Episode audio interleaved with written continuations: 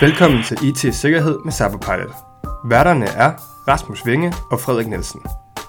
De vil diskutere og komme med løsningsforslag til emner inden for IT-sikkerhed og GDPR, hvor Rasmus som IT-sikkerhedskonsulent har fokus på det faglige, det tekniske og compliance-delen, mens Frederik som ansvarlig for awareness-træningen her hos Cyberpilot har fokus på, hvordan viden bedst formidles og kommunikeres ud i organisationen. Ingen salg og ingen snak om statssponsorerede kinesiske hackere. Målet er at hjælpe dig som lytter med at skabe en god IT-sikkerhedskultur i din organisation.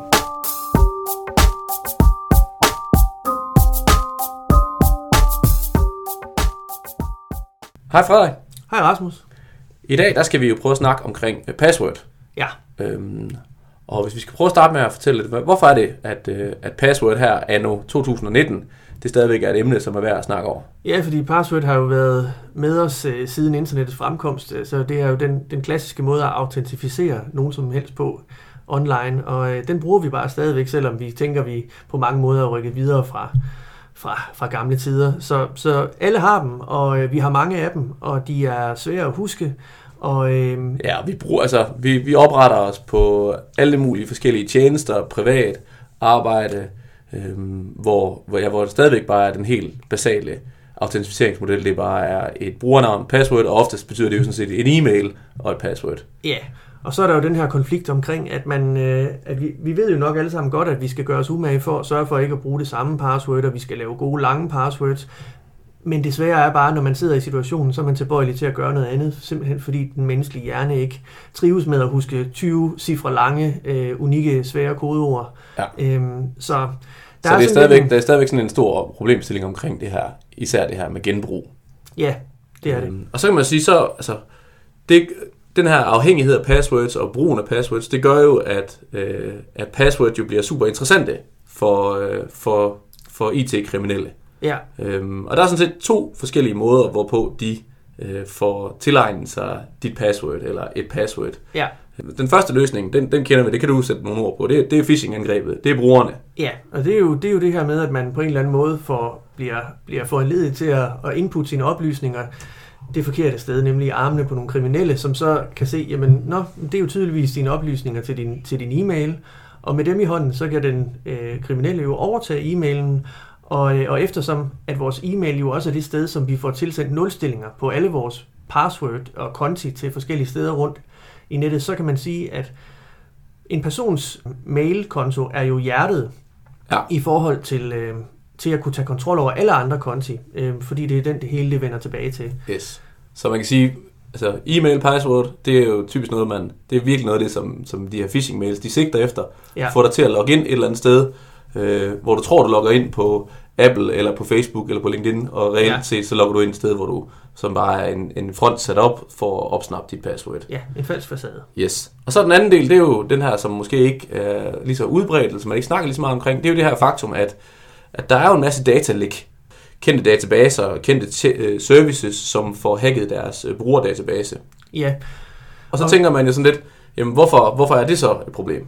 Jamen det er det jo fordi, at, at folk de genbruger passwords, og det ved vi jo igen på grund af den her menneskelige faktor, at det, der er, altså, man, man har ikke lyst til at prøve at huske på en hel masse forskellige kodeord, man har en tendens til at vælge det samme, om det så er, at, øh, at man elsker den her frugttærte og bruger det, øh, Ja. det navn på den frugttærte hele tiden, og så igen, så kan man sige, at, at hvis vi bruger den alle steder, så kommer vi unægteligt til at bruge den både meget sikre steder med sikre databaser, men også på usikre databaser. Ja, Det kunne være i badmintonklubbens login, ja, øh, hvor det er, at, øh, at man bruger det samme password, som man bruger til sin arbejdsmail, og, øh, og hvis den database hos badmintonklubben den bliver hacket og lagt ned, øh, hvilket nogen let kan, så, øh, så har man lige pludselig adgang til en masse passwords, og med det i hånden, så vil de kriminelle også forsøge at se, jamen nå, okay, du har tydeligvis den her e-mail, og du har brugt det her password, skulle jeg ikke lige prøve at se, om jeg kunne logge ind med det? Ja. Og det vil de have, have succes med i en, altid i, i sådan noget der, der vil der være en vis øh, rate af folk, der har det samme.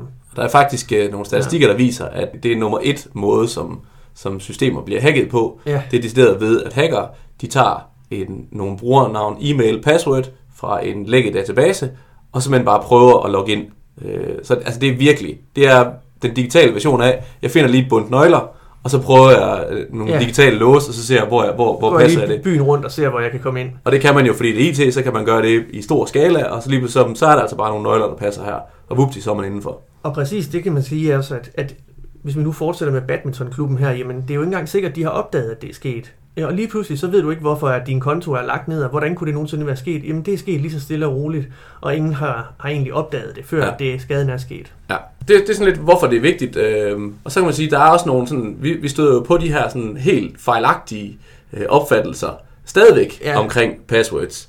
Øhm, og en ting, det er jo det her med, hvad er det, der udgør et stærkt password? Ja, og der har man jo sådan en tendens til, at, at, at igen, når den menneskelige hjerne slår til, så tænker man, at man forestiller sig, at nogen sådan vil sidde og prøve at gætte det. Og der tænker man jo, jo, jo flere særlige tegn og unikke, hvad kan man sige, cifre, jeg aldrig ellers bruger i min hverdag, jo, jo sværere vil det blive for nogen at gætte det. Ja, bare generelt jo mere kryptisk, ikke? Altså, Jo, jo. øh, Foxtrot, øh, Alpha, Beta. Og det er, jo, det er jo netop pointen, det er jo, at der er jo ikke nogen, det, altså der er jo meget få tilfælde, hvor det er nogen, der faktisk sidder og gætter. Det er jo altid en maskine, der sidder og prøver at brute force igennem, hvis det endelig er, man prøver og, og kan sige, knække et kodeord på den måde. Og de er fuldstændig ligeglade, om det er et almindeligt S eller et helt særligt unikt egyptisk tegn, du, du, du har gang i. Selvfølgelig er der noget med, at der er en, altså en vis ciffer. øh, altså man kan godt udvide med at bruge mange forskellige cifre. Det kan også godt styrke kodeordet, fordi det kræver, det stiller jo krav til dem, der forsøger at knække det.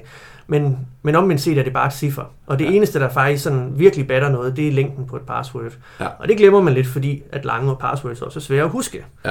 Så er der også den her omkring det her, den klassiske, som man jo også som IT-mand nogle gange lidt prøver at, at, at trække ned over sin, sin bruger, og det her med den her password-politik, det her med at ændre den.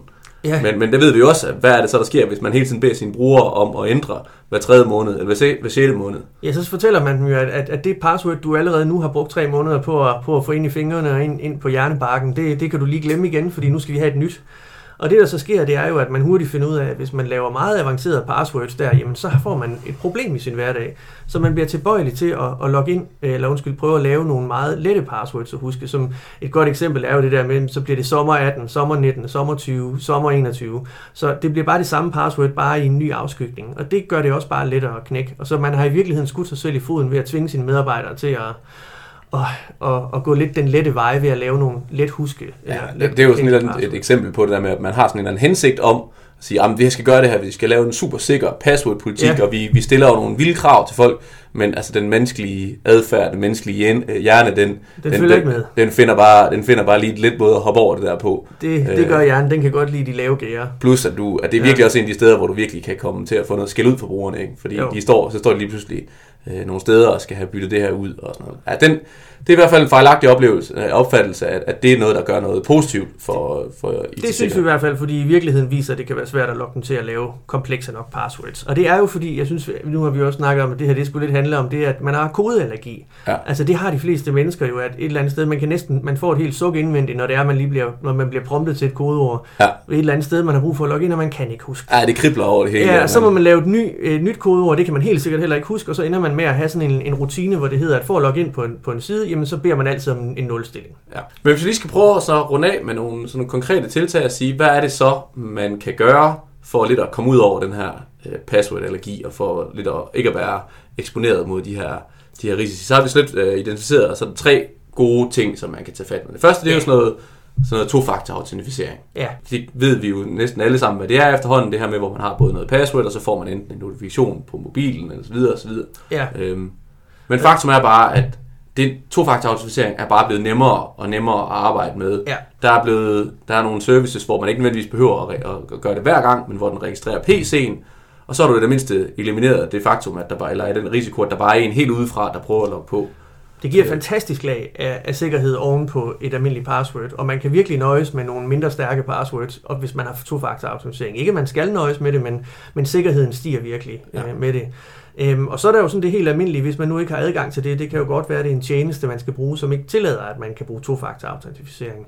Jamen så er der bare sådan to ting, man kan gøre, og det er igen det der med at prøve at finde kompromis med den menneskelige hjerne, hvor det er, hvis du skal huske noget, der gerne skal være over 12 cifre, og helt 16 eller 20 cifre langt, jamen så er det meget nemmere med en passphrase. Altså en eller anden sætning, hvor man, hvor man sådan, man kan, man kan let huske en sætning, når den er på 20, øh, 20 bogstaver. Det kunne være, jeg elsker egetræsbrugere. Øhm, Ja, kommer jeg til at tænke på, fordi vi sidder ved et. Og det kunne jo være en sætning, hvis man lærte sig den, og så vidste, at det var den, man skulle lave variationer over, hvor det var, at, at man, jeg elsker E60 bruger hashtag et eller andet to cifre for den tjeneste, man logger ind på. Ja. Så kan man nøjes med at huske, jeg elsker E60 bruger, og så bare ved, at, ved man, at man har lavet en lille variation, som gør, at man har et utroligt langt password, som aldrig er helt det samme. Ja, og så har du også elim- elimineret den der helt oplagte mulighed ved bare tage den samme. Hvis det nogen- nogensinde skulle slippe ud, Ja, øh, din E60-kode, Ja. så vil det også bare forhindre nogen i at bare kunne samle den op, og så prøve at stikke den i nogle forskellige steder, nogle digitale lås, og så se, hvor det er, fordi jamen, så er det i hvert fald begrænset til lige præcis den service. ja, Det er den ene ting, så er der jo, øh, og så er der den sidste, som også lidt er, er over for den IT-ansvarlige, det er jo det her med, jamen, der er nogle gange, så er der også noget dogenskab i at lade være med at oprette personlige brugere. ja. Øhm, fordi man så, det lige, lige, kan lige være nemmere lige at dele passwordet.